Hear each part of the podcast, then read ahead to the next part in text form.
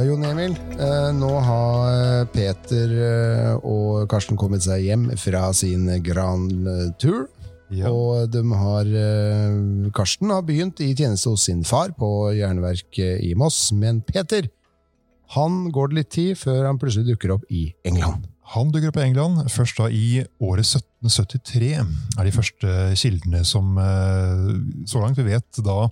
Eh, Og da dukker han opp i Hull som konsul i, i Høll for Danmark-Norge. Og vi vet ikke noe i tiden før det noe særlig. Nei, det er eh, heller stille. Eh, Det forskes mer på, men, men allikevel, det er heller stille om hva han har bedrevet eh, den tiden der, ja. For det må jo være en grunn til at han plutselig blir konsul. Ja, Hva, hva, er, hva er stillingsinstruksen hans som konsul?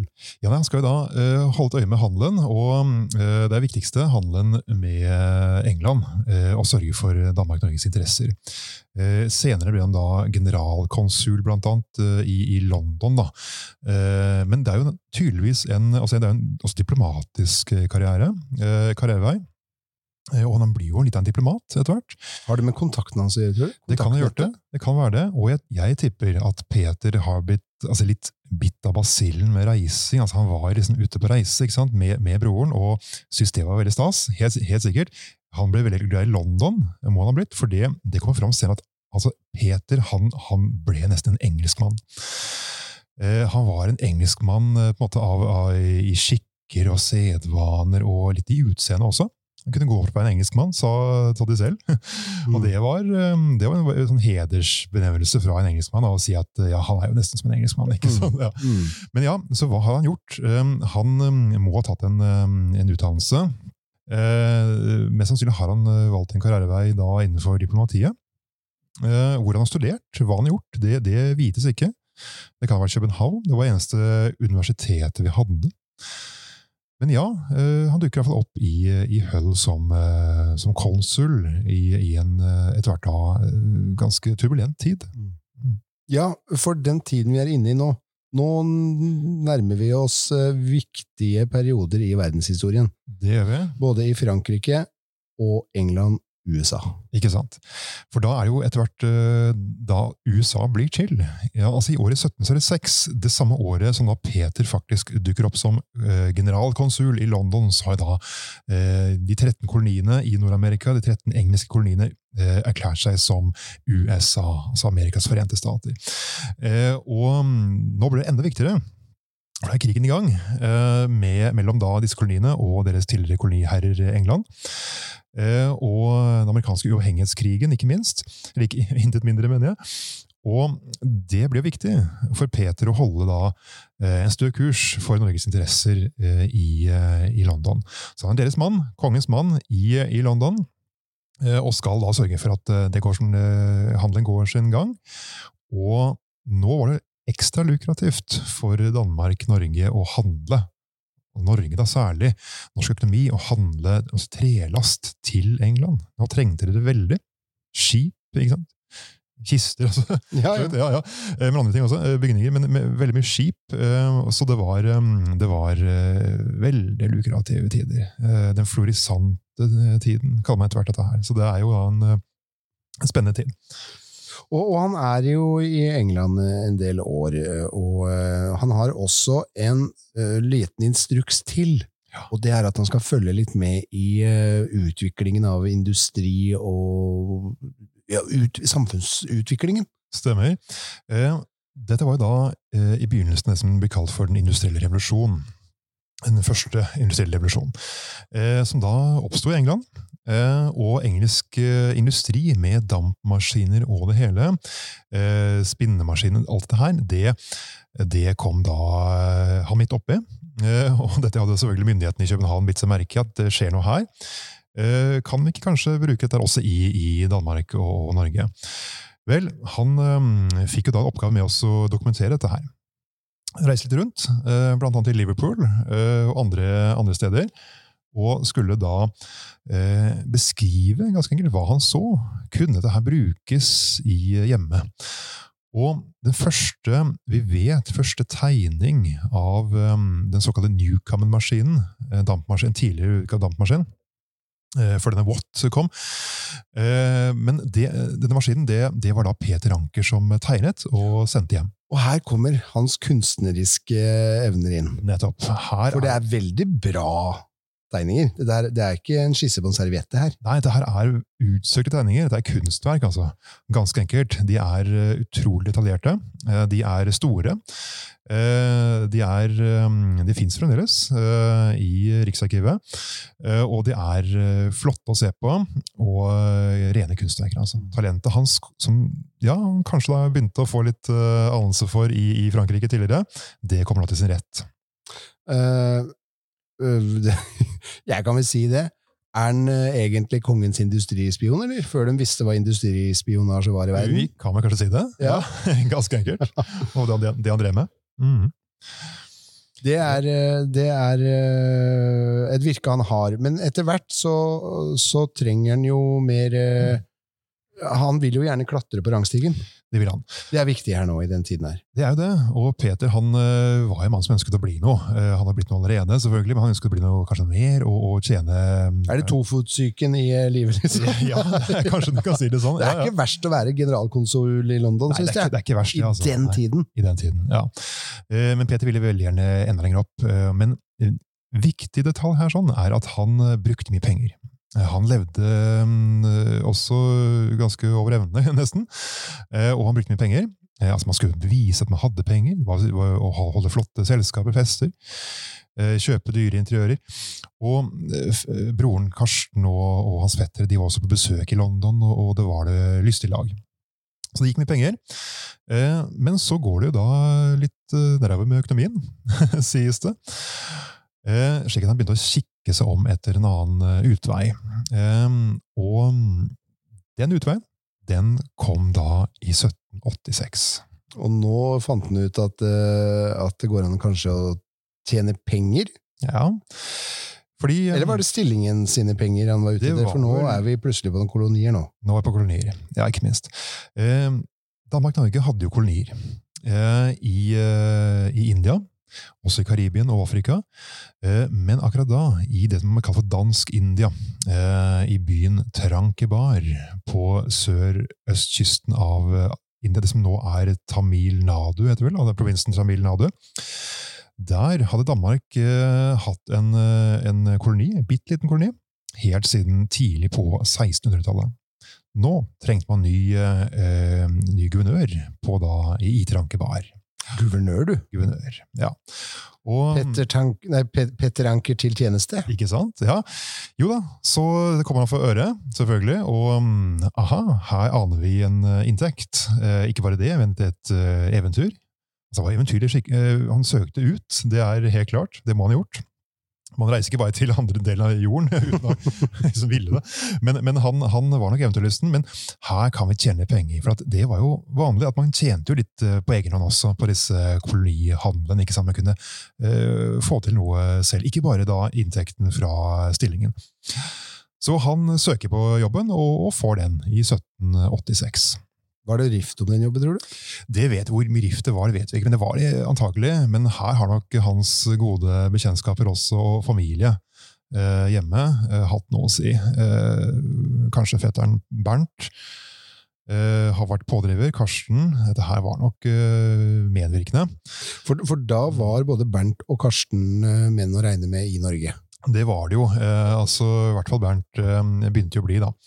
Eh, og, men allikevel eh, som, han, skapte, jo- altså Peter skapte seg et navn i, i, eh, i København, i, blant myndighetene i København, eh, mens han var generalkonsul i London. Han brakk ble lagt merke til, og denne kunstneriske siden også ble lagt merke til. Så er det da å mønstre om bord i et skip og vite at nå skal jeg ikke bare fra Kristiania til Fredrikshallen, nå skal jeg hele veien til andre siden. Ikke sant? Så han eh, reiser en kort tur hjem til, eh, til eh, København, altså hjem til København, da, altså til hovedstaden, og, og lar seg portrettere. Eh, eh, Ganske kjent bilde av ham som da fortsatt finnes i Fredriksborg-museet, eh, Jaha. som da får malt av seg rett før han reiser. Og, og i dag guvernør, altså generalmajors uniform. da. Den flotte røde formen. Og så reiser han ut 15. november 1787. Da kaster Asiatisk Kompanis skip Johan og Marie loss og reiser ut fra London. Så han var tilbake i London, og så reiste han ut derifra. Og så var det en lang reise. Mm. Halvt år. Rundt Afrikas kyst, over Det indiske hav, for endelig dukker opp eh, da i, eh, i Trankebar året etter. Mm. Helt ny verden, Helt ny verden. helt ny virkelighet. Ikke sant? Og det er ikke bare på eh, klima og sted, men det, det er hele samfunnet. Alt er annerledes. Veldig annerledes. Um, Var han forberedt? Det vet vi ikke. Nei, altså Jeg vil anta at han ikke var helt forberedt. Han har nok øh, lest beretninger, øh, har nok fått høre historier og prøvd å forberede seg godt han kunne. Han var, han var godt belest, hadde nok lest seg opp, men allikevel, det kan liksom ikke helt forberede han på, på hva han skulle møte, tror jeg. Eh, Og det som da nok gir inntrykk, er at um, altså Han kom jo da Skipet um, eh, kastet jo anker utenfor reden der, for det kunne ikke kjøre helt inn. Uh, det var for mye bølgebrytninger der. Så, så, og det er da 11. mai de kommer fram til Trankebar. Uh, så ser han flagget.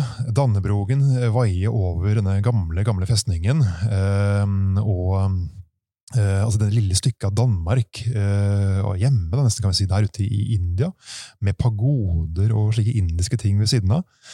Og så kommer det da båter ut, små båter fra kysten med, med indere, som ønsker da å tilby sine tjenester eh, til ham eh, som tolker og mellommenn og slikt. Og de snakker jo da greit dansk, mange av dem. Yeah. Og det må jo gitt gi et inntrykk, da. Eh, Eh, og når han tar fatt på stillingen der, så merker han jo at eh, her var det mye å rydde opp i. For det var mye, det var mye greier der, det var mye greier. og, av de som har vært der før. Ikke sant? Ja. Det var et, et rot, ganske enkelt. Altså, det var altså, det som et ormebol av korrupsjon og det som er verre. Altså, korrupsjon det må forstås på en litt annen måte eh, da enn, enn nå, kanskje. Eh, og det er jo mye forskning rundt dette her. Hva er korrupsjon og slikt? Uh, ulike tider. Men vi kan si, hvis vi bruker ordet korrupsjon, så var det helt klart uh, det. Selv om mye var akseptert. Men det var også uh, mye som gikk litt for langt. Og i Trankebar hadde den tidligere guvernøren, han som nå har gått av, som heter Abbesty, han hadde da eh, holdt altså sett den andre veien, ganske enkelt, da, med, med ting. Og det var ikke noe særlig tiltak i ham eh, på slutten der. Slik at de embetsmennene hadde vært ganske utro.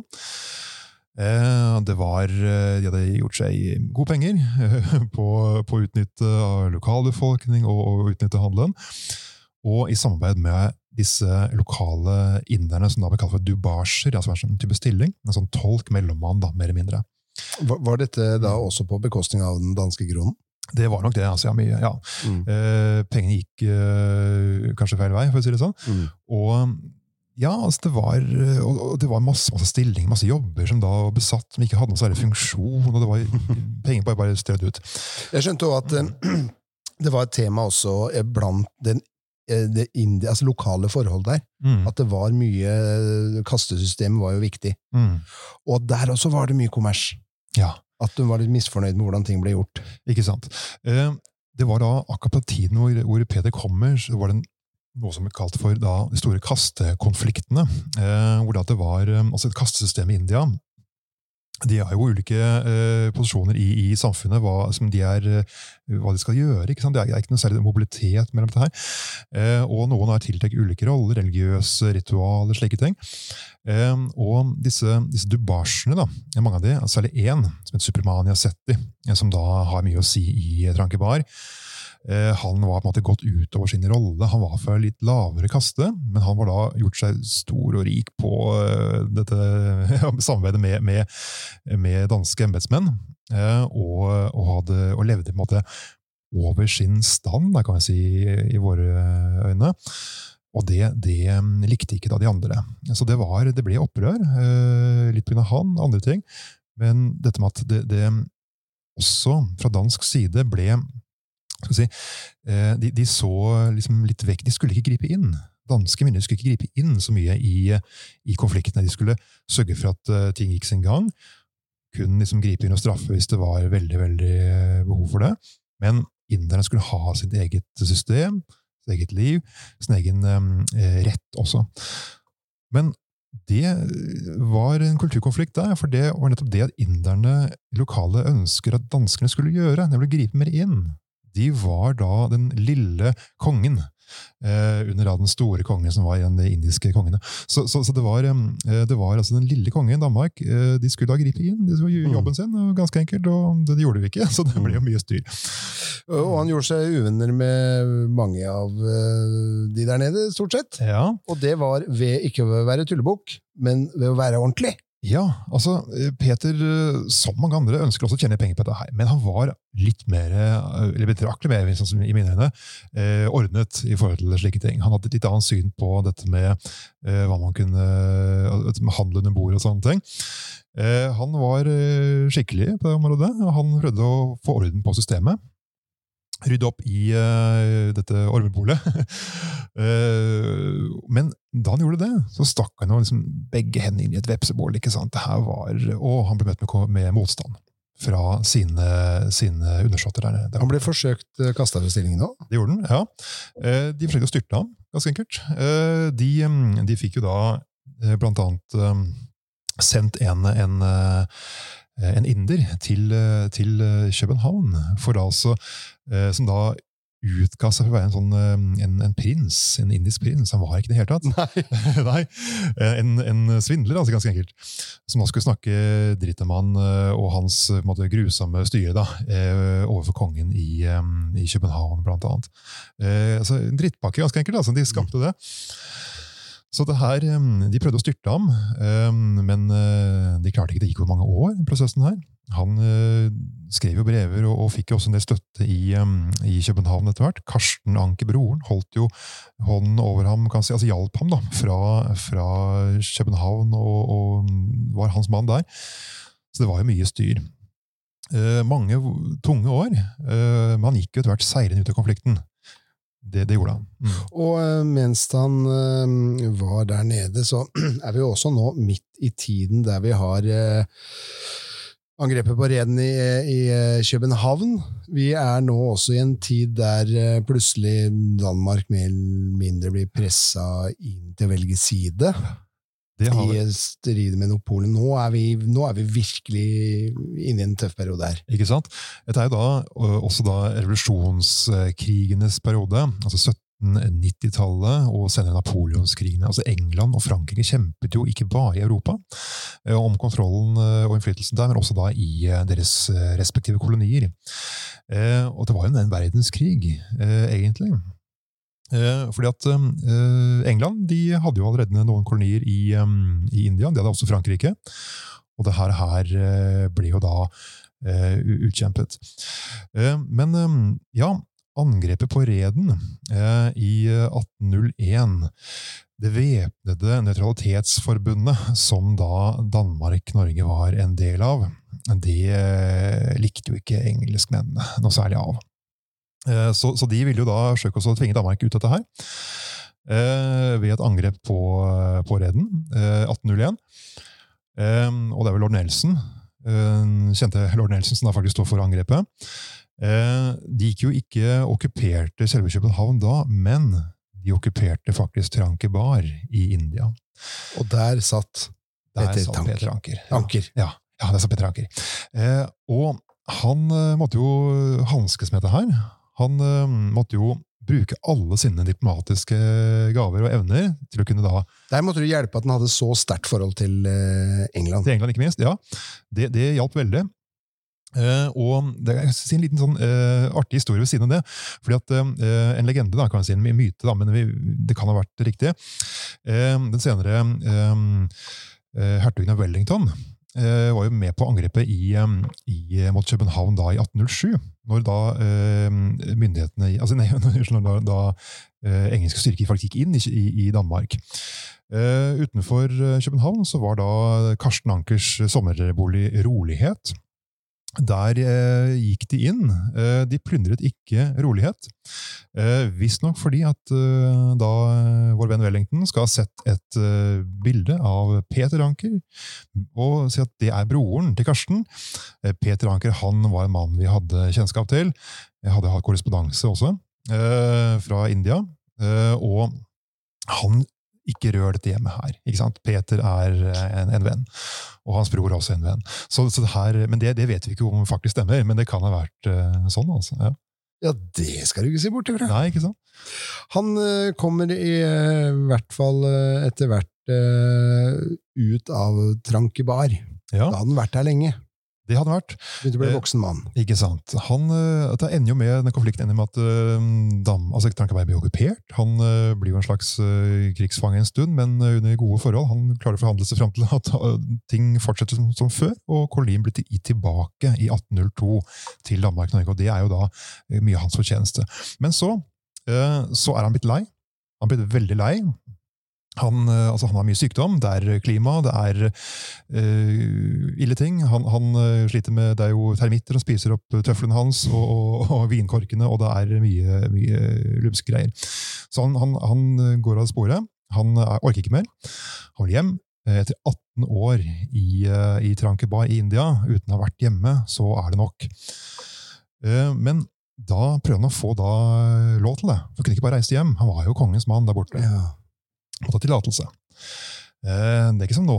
Nei. måtte ha tillatelse å reise. Du kunne ikke bare si opp. Ikke bare si opp. Eh, så Karsten, altså han blir jo, Men kongen vil jo ha ham der. Han er jo en dyktig kar, og jo, han ville gjerne ha ham videre der. Nei, så da må Karsten, broren, eh, gjøre sitt og prøve å overtale myndighetene til å slippe ham hjem. Og det skjer. 1806 får han lov til det, og reiser da endelig hjem fra Trankebar. Og i 1807 etter å ha vært et kort opphold i England, på et kurbad der, så eh, setter han fotene eh, på norsk jord igjen. Etter svært lang tid.